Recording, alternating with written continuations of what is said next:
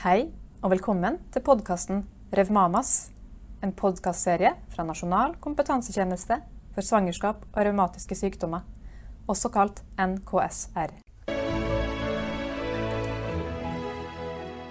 Planlegging av svangerskap, hva innebærer det? Hva må man tenke på?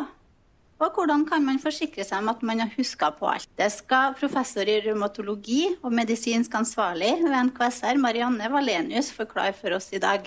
Mitt navn er Tone Moxnes, og jeg er rådgiver ved NKSR. Først så tenkte jeg bare å innlede med en vennlig påminner til alle dere ute der. Hvis man har en dame eller en mann i fertil alder på kontoret, husk å spørre om det foreligger et barneønske.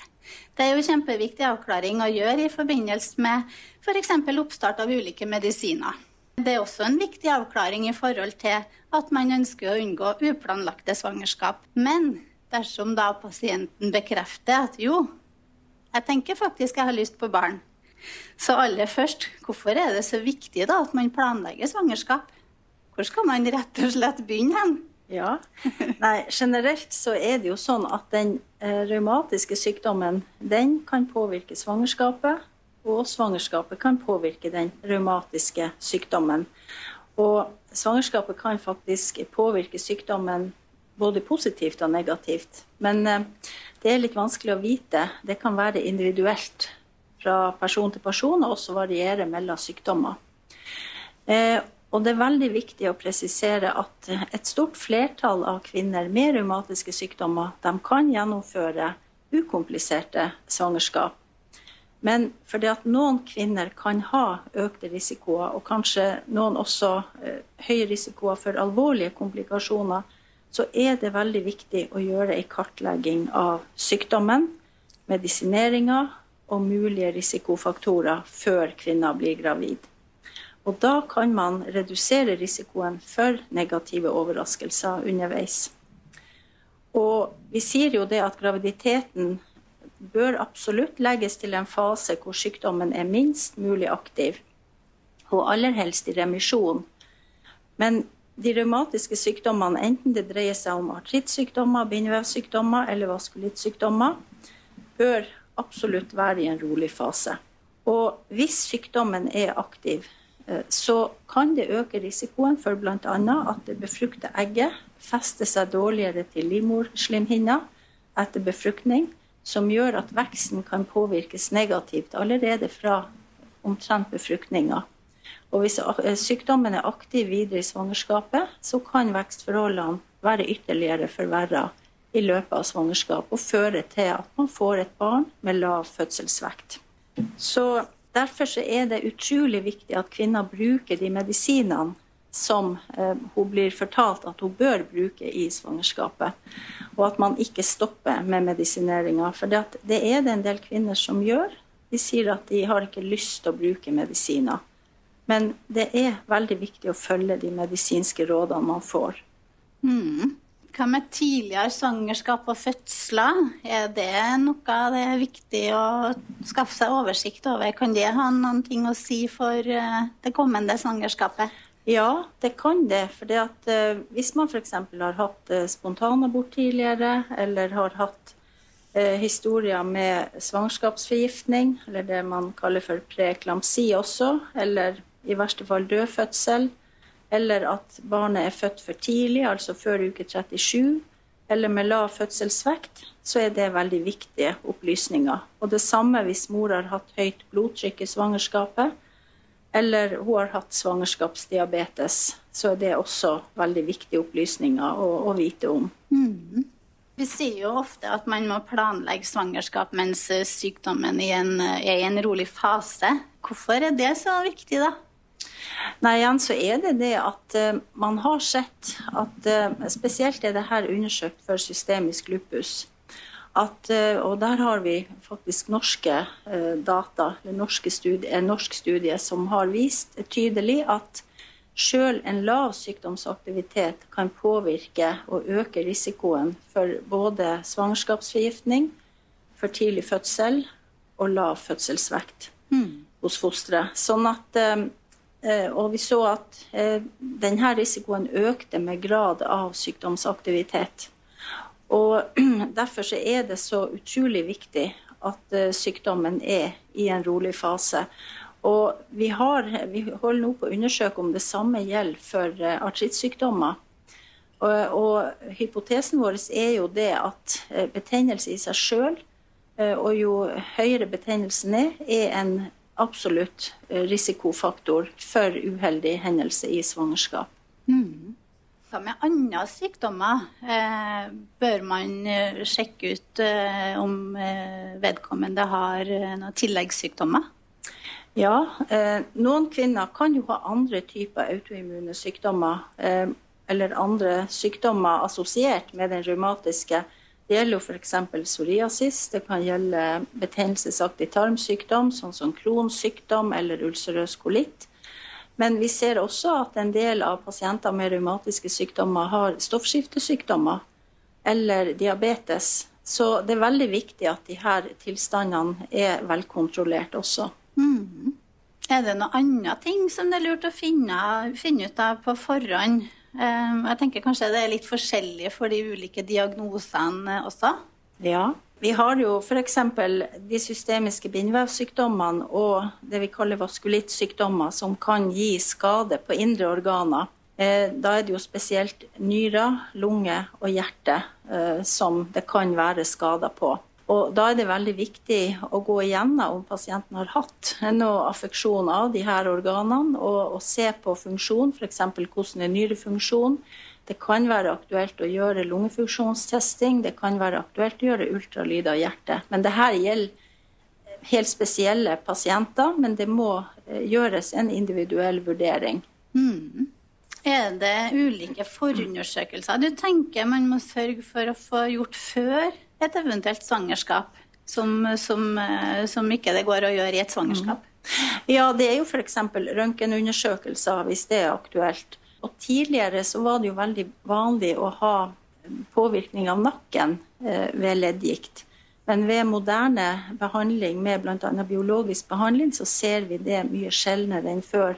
Men det kan være noen av pasientene våre som har hatt artritt i nakken, og hvor da man bør ta bilde av nakken på forhånd. Og det er fordi at i noen tilfeller så kan det være nødvendig å gjøre keisersnitt, selv om vi anbefaler at eh, de fleste av pasientene våre kan føde på normalt vis, så kan det være aktuelt å måtte gjøre eh, et akutt keisersnitt og det vi kaller for intubere pasienten. Og da må man vite at nakken er i orden. Mm. Så tenker jeg vi skal over til et annet viktig tema i denne sammenhengen, nemlig medikamenter. Da er jo det store spørsmålet skal man behandle eller ikke? Eller hvorfor skal man eventuelt behandle? Mm. Eh, igjen så er det jo det her med at det er så viktig at eh, sykdommen er i rolig fase, eller så rolig som mulig i svangerskapet, for å unngå de komplikasjonene vi har snakka om tidligere. Uh, og igjen så er, det, uh, er vi stadig borti pasienter som sier at de ikke har lyst til å bruke medisiner i svangerskapet fordi at de er redd for at fosteret kan ta skade av det. Men da er det igjen veldig viktig å vite at faktisk så kan en aktiv sykdom være kanskje mer skadelig for fosteret i enkelte tilfeller enn det at mor bruker sine medisiner. Og i dag har vi faktisk ganske mange medisiner det går an å bruke i svangerskapet, og hvor man ikke har holdepunkt for at det er skadelig for fosteret. Men det jeg kan si nå, det er det at f.eks. metotreksat, som er det mest vanlig brukte leddgiktsmiddel, eh, det kan man ikke bruke i svangerskap. Og det må stoppes tre måneder før man prøver å bli gravid. Men i mange tilfeller så kan det erstattes av et medikament som heter salasoperin. Og i tillegg så er det eh, et medikament som heter plakenil, eller hydroksyklorokin, som alle kvinner med SLE anbefales å bruke. Og der viser studier at hvis man, kan, hvis man stopper med den medisinen i svangerskap, så dobles risikoen for at sykdommen blusser opp. Mm. Sånn at vi har en helt klar anbefaling at alle kvinner skal bruke sin plakenil gjennom hele svangerskapet. Mm. Og så er det en medisin som heter Celcept, som man ikke kan bruke i svangerskap, og som må stoppes i god tid før. Men her har man studier som viser at eh, i mange tilfeller så kan den erstattes av en medisin som heter Imurell eller Asatioprin. Og så er det jo sånn nå etter hvert at vi har fått kunnskap om at alle typer TNF-hemmere kan brukes i svangerskap. Og hos kvinner som har en eh, aktiv sykdom, så kan man faktisk bruke den gjennom hele svangerskapet. Men her gjør man vurderinger underveis, og hvis sykdommen er rolig, så kan man også stoppe med medisin ute i svangerskapet. Og det vurderes av revmatologen. Mm. Og så kan man bruke prednisolon og her har vi fått mer og mer kunnskap om at det er ugunstig å bruke høye doser prednisolon over tid. Så her anbefaler man å helst ikke bruke doser over 5-7,5 eh, mg daglig. Men man kan bruke prednisolon der det er behov for det.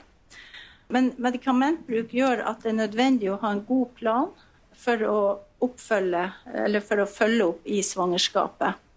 Og i tillegg å ha en oversikt over tidligere komplikasjoner.